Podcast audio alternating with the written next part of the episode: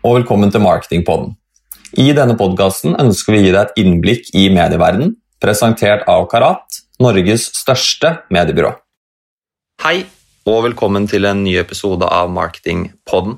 Eh, jeg, Simen Smedsberg Kneppe, sitter her sammen eh, med Sofia, som alltid, eh, og som vanlig de siste episodene fortsatt på Teams. Hvordan går det med deg, Sofia? Det går bra. Det er mandag morgen, og jeg er en av de raringene som liker mandag, så jeg, jeg har det veldig bra. Så godt å høre. Eh, som vi stort sett de siste to årene har gjort i denne podkasten, så har vi alltid snakket om året som kommer, eh, og egentlig ser oss litt tilbake på det året som gikk. Eh, og med oss, som vi også hadde da i episode tre, faktisk, så har vi med oss Harald Eide Fredriksen, som skal snakke litt mer om eh, året som gikk, og eh, det vi har eh, i vente. Velkommen til deg, Harald. Tusen takk for det. Det er hyggelig å være tilbake igjen. Eh, du kan jo, eh, For eh, nye lyttere som ikke har hørt på episode tre, så kan du få lov til å introdusere deg selv igjen, hvem du er, og akkurat hvorfor vi har lyst til å snakke med deg om, om trendene vi står overfor. Ja, jeg er altså da medie- og forhandlingsdirektør i Densu. Jobber på tvers av alle byråene og eh, alle kundene våre prøver å gjøre en god jobb med å fremforhandle gode betingelser, men sitter også ganske tett på mediepartnerne våre og følger utviklingen i mediemarkedet eh, på hvor pengene flyter og hvilke medier som konsumeres. Da tror jeg vi strengt tatt kan si at vi har med oss rett mann til denne oppgaven. Eh, og med det så tenker jeg egentlig at vi bare starter rett på. Og det som egentlig jeg har lyst til å snakke med deg litt om, Harald, at vi eh, satt jo sammen i april i 2020 og prøvde å spå hvordan denne pandemien skulle påvirke mediene. Eh, og tror jo egentlig at vi traff ganske godt på mye. Så var det sikkert noe vi eventuelt også måtte bommet på. Det er jo ikke akkurat så rart, for det ble jo ekstremt annerledes. Men det jeg egentlig lurer litt på, er at hvordan ble egentlig året 2021 opp mot det vi kanskje trodde det skulle bli? Eh, året som helhet, omsetningsmessig, eh, endte jo mye høyere og sterkere enn det vi hadde forventet. Det må vi kunne si. Det var jo spesielt utover eh, høsten og andre del av, av året, hvor, eh, hvor eh, annonsørene virkelig fikk fremtidstroen tilbake, kanskje, og, og økte investeringene sine nær sagt i, i alle mediekanaler. Så det er ikke ofte vi bommer veldig på våre estimater, men vi innrømmer at det året endte litt bedre enn det vi først trodde på begynnelsen av året. Uh, hvordan uh, Hvilke økninger har vi sett i de forskjellige, forskjellige, mediene? Du sier at de har økt overalt, men er det noen medier som har hatt en ekstrem økning kontra alle? Og er det noen nye medier for eksempel, som har markert seg ekstra? Ja, det er jo altså ikke eh, Året 2021 jo, er jo et eh, år med hele året har vært inne i, i koronaperioden, for å si det sånn, pandemien. Eh, med litt av og på, stengninger og åpninger eh, litt om hverandre. Eh, de to mediekanalene som kanskje har vært mest preget av pandemien, har jo vært eh, kino og utendørs, så det er jo ikke rart at kanskje de også opplever da stor vekst da vi åpnet opp igjen. så så det blir på en måte litt sånn ekstraordinær eh, vekst for dem. Um, av de nye kanalene så ser vi jo at, eh, at to små kanaler som influencer marketing og, og også podkast er jo to små kanaler som, som har eh, overdoblet seg. Nå kommer de fra veldig små tall i utgangspunktet, og da er det fort gjort å kunne få høye prosenter. men jeg synes likevel det er interessant å følge med på de kanalene videre. Begge de kanalene er større omsetningsmessig nå enn fagpresse av den omsetningen som vel å merke går gjennom mediebyråene. Mm. Eh, og så er det også litt interessant, Vi snakka litt om det i en episode i november, men rundt dette med TV-markedet. Eh, at det er jo flere som har sett på TV, og at TV-tiden har gått opp. og det har egentlig vært en litt sånn merkelig utsolgt situasjon på TV. Eh, som egentlig har gjort at prisen har økt veldig, og som også da har fått noe konsekvenser for hva vi har kunnet kjøpe på da f.eks. online video og YouTube. Kan du fortelle litt om hvordan det har vært? Ja, eh, for å trekke det litt tilbake til starten på pandemien igjen, da, så, så, så vi jo at det var en voldsom økning i bruk av TV, men at det var veldig nyhetsdrevet. Vi var veldig undrende til hva som hendte i verden. og, og, vi var veldig nyhetshungrige. Så ble også det forsterket senere det året med, med den amerikanske valgkampen osv. Men jeg tror vel at pandemien har påvirket oss sånn at vi er blitt litt trøtte av, av, av denne type nyheter. Vi har mer kanskje søkt underholdning. Eh, og kanskje har vi også sittet hjemme og gjort oss kjent med fjernkontrollen og TV-apparatene våre og funnet frem til andre strømmetjenester.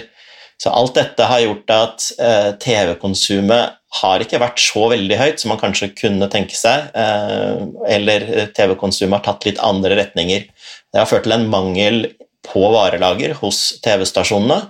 Og kombinert med den etterspørselen vi snakket om i sted, når annonsørene ønsket seg reklameplass, så var etterspørselen veldig høy, og det førte til en, en nokså ekstremt utsolgt situasjon gjennom store deler av, av 2021. Um, det er jo én måte de kan regulere det på. nå er det jo sånn at TV-reklamen, Mengden TV-reklame er jo regulert eh, av myndighetene, hvor mye reklame de kan ha på. Så det er en maksgrense. Det er ikke bare som i avis, hvor man bare kan trykke noen ekstra sider. Ehm, og det vil si at eh, TV-kanalene har jo da tatt i bruk det verktøyet de har, nemlig å sette opp prisene for å eh, regulere etterspørselen. Så Vi så jo nå ved inngangen til 2022 de, kanskje de høyeste prisøkningene på TV som, som, vi har sett noensinne så lenge vi har hatt kommersiell TV, TV i Norge. Og Det er, det er jo krevende for, for, annonsørene, det er krevende for oss. Eh, for da må vi virkelig gå og se er det, får vi den, den avkastningen av de investeringene som vi ønsker oss, og er TV fortsatt et effektivt mediekanal.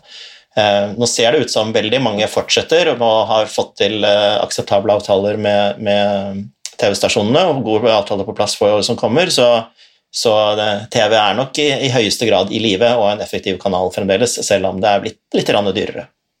Mm. Som du nevnte, så er det jo en del som har funnet andre måter å se på TV på. Online video blir jo mer og mer populært. Eh, men allikevel så ser vi at det også der har vært utsolgt på varelager.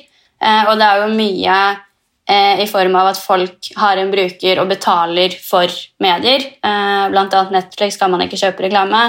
Så har man jo også betalt eh, TV2 Play og Viaplay og Discovery Pluss bak betalingsmur, hvor man da ikke får annonsert. Tror du, tror du de ulike plattformene kommer til å jobbe mer med å øke det kommersielle varelageret sitt i 2022, eller kommer de til å fortsette å bygge den subscriber-modellen? Eh, jeg tror de kommer til å gjøre begge deler. Eh, det er jo sånn typisk når TV-kanalene blir fulle, så det, eh, ser man selvfølgelig etter alternativer. Det er jo online video i forskjellige formater og former kanskje det første man ser etter. Men vi ser også en vekst på, at det har vært en vekst på f.eks.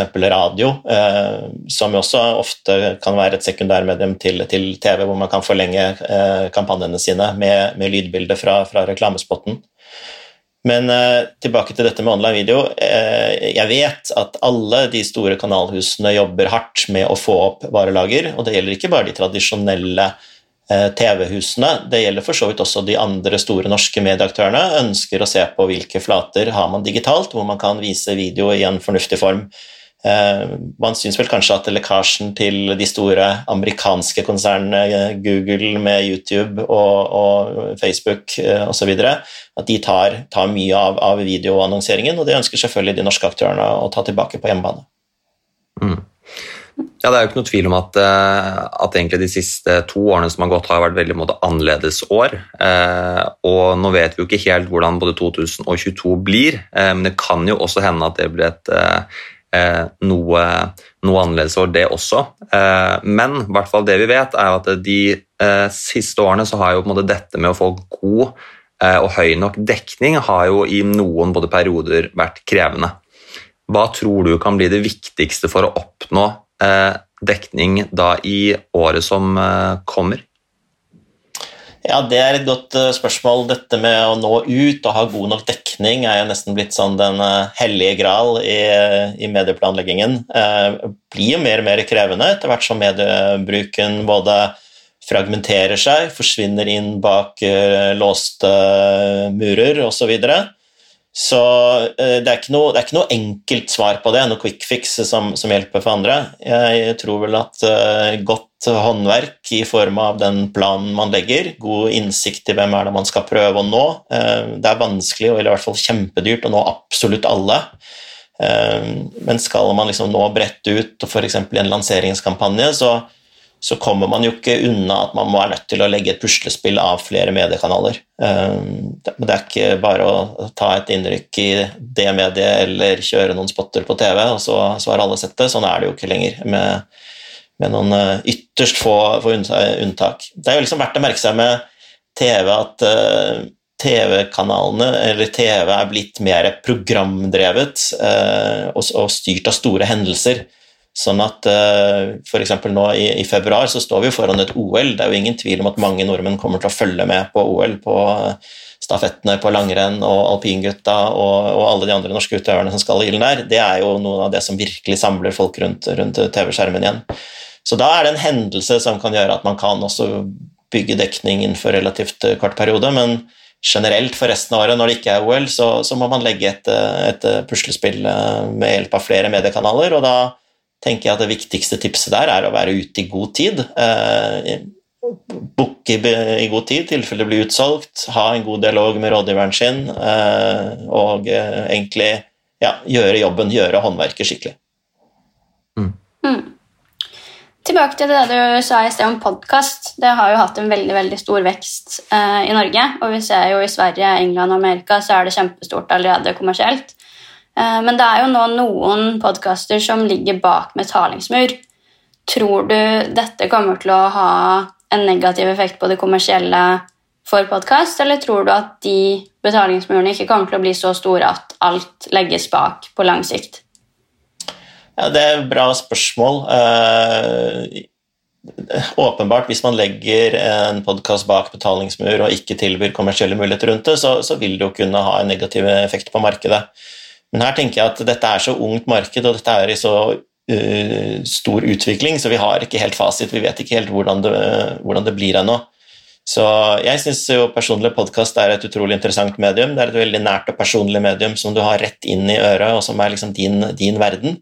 Så jeg tror podkast som kanal både kommer til å vokse, og jeg tenker at vi får gode kommersielle løsninger eh, eh, rundt det etter hvert. Det blir spennende å følge fremover. Mm. Absolutt. Jeg tenker Som et avsluttende spørsmål, Harald, så skal du få lov til å gi noen tips eller noen spådommer for hvordan året 2022 kommer til å bli. Hvilken mediekanal tror du kommer til å sitte igjen som kanskje den store vinneren, eller de store vinnerne når vi ser oss eh, tilbake igjen eh, i januar neste år? Ja, kikke litt i krystallkulen er jo, er jo, alltid gøy. Og ekstra gøy er det når det blir tatt opp på, eh, på, på bånd, holdt jeg på å si, på, på, harddisken på denne måten, så man kan gå tilbake og, og, høre på det og arrestere meg på det ettertid. Men uh, vi skal prøve å kikke litt fremover. Da. Jeg kan jo si at Det som kanskje overrasket meg mest med fjoråret, var jo den sterke veksten til sosiale medier. Man trodde at kanskje at sosiale medier hadde begynt å nå en, en topp og en peak, men av de store mediekanalene så var det jo liksom de sosiale mediekanalene som kanskje vokste mest. Så det blir en spennende eh, å følge utviklingen videre der. Eh, om den nå virkelig har, har nådd en topp. Men det er vel noe sånn at det som har vokst mye historisk sett, og fort kan vokse litt til, det har vi jo lært oss når vi har fulgt de digitale mediene over tid. Ehm, men i sum så er jo trendene ganske klare. Det er en digitalisering. Vi flytter tradisjonelle eh, reklamekroner eh, over i, til de digitale kanalene. Det tror jeg vi kommer til å fortsette å se i, i 2022 håper at det blir mer videovarelager tilgjengelig. Da vil de kunne legge til, til rette for en stor vekst innenfor, innenfor online video. Um, så skal det også sies at i den veksten til sosiale medier er nok også litt drevet av at det er mye video inni der som skjuler seg bak tallene, så, så det er ikke lett å, å måle dette, dette, helt nøyaktig. Men uh, videoer, sosiale medier og display, influenser, alle de digitale mediene tror jeg kommer til å øke. Um, og så tror jeg også vi Eh, vi kommer nok til å se en januar og februar kommer vi nok til å se en kraftig økning fordi at de månedene var, var relativt svake i, i, 2021. Da var vi en, en, mye strengere lockdown-periode enn det vi er nå. Så vi kommer til å nok til å se kraftig vekst de første to, to, månedene generelt i markedet, og så kommer det til å flate seg ut. Så eh, tipper vi i løpet av året kommer til å ende på en totalvekst i, i markedet på en, en 5-6 eh, er, er våre estimater så langt.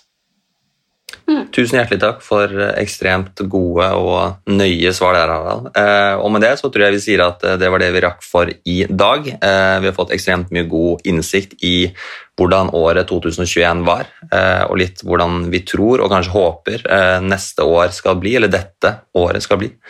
Eh, så med det så sier vi tusen takk for i dag. Tusen takk for at du tok deg tid til å være med her, Harald. Tusen takk for at jeg fikk komme. Det er alltid en ære å være gjest hos dere. Nydelig. Tusen takk. Takk. Ha det bra. Ha det.